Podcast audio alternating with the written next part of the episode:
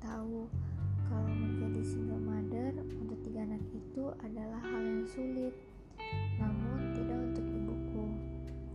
Ia suka dipanggil ibu ketimbang mama, katanya ingin panggilan seperti almarhum nenekku. Paginya ia bekerja, kelarnya saat malam ia kuliah. Ia kuliah di tiga sekretaris lalu dilanjutkan S1 komunikasi karena baginya pendidikan itu adalah hal yang penting. Dan dulu kakekku bilang ke ibuku bahwa menikah pun walaupun sudah sarjana harus tetap bekerja agar nanti tidak disepelekan oleh laki-laki.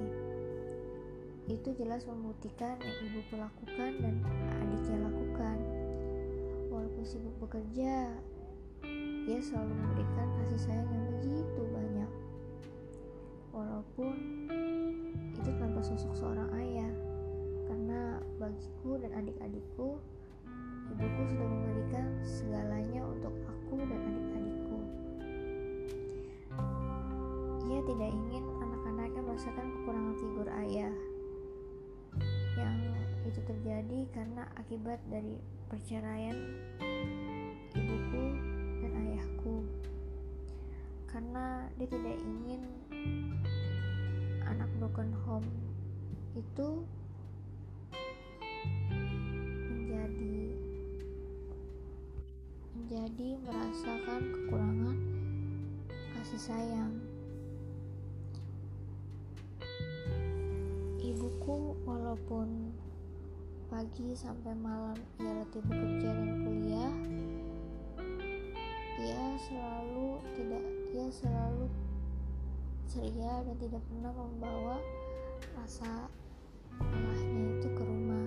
Karena baginya melihat anak-anaknya itu membuat rasa lelah hilang.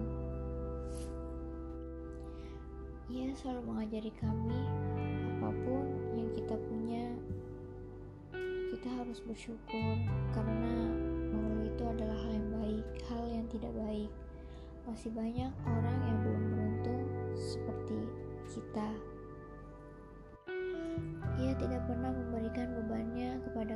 sebagai anak-anaknya karena baginya ia ingin anak-anaknya agar fokus belajar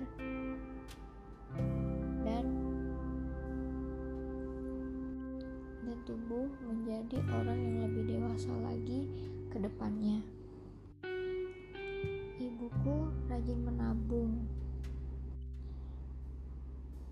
Segalanya ia lakukan agar keuangannya bisa berputar untuk membiayai sekolah kami. Karena aku dan adik-adikku sekarang sudah kuliah. Aku semester 7 adikku yang kedua semester 5 dan yang paling kecil itu semester 3 kita hanya beda satu tahun satu tahun satu tahun saja. Ibuku ingin membuktikan ke orang-orang bahwa walaupun menjadi single mother atau biasa disebut seorang janda, ia tetap bisa menjadi orang tua tunggal yang bisa menjadi orang tua yang baik untuk anak-anaknya tanpa adanya seorang atau sesosok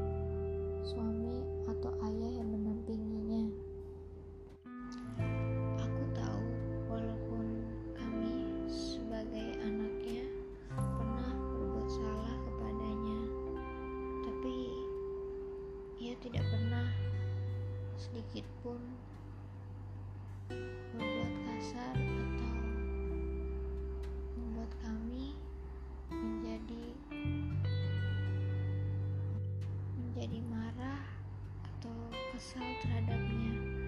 Melainkan ia begitu sabar untuk menasihati kami agar kami tidak melakukannya lagi. Ibu sehat-sehat terus ya. Aku aku ingin membahagiakan ibu. Jadi tunggu aku ya bu. Tunggu aku suatu saat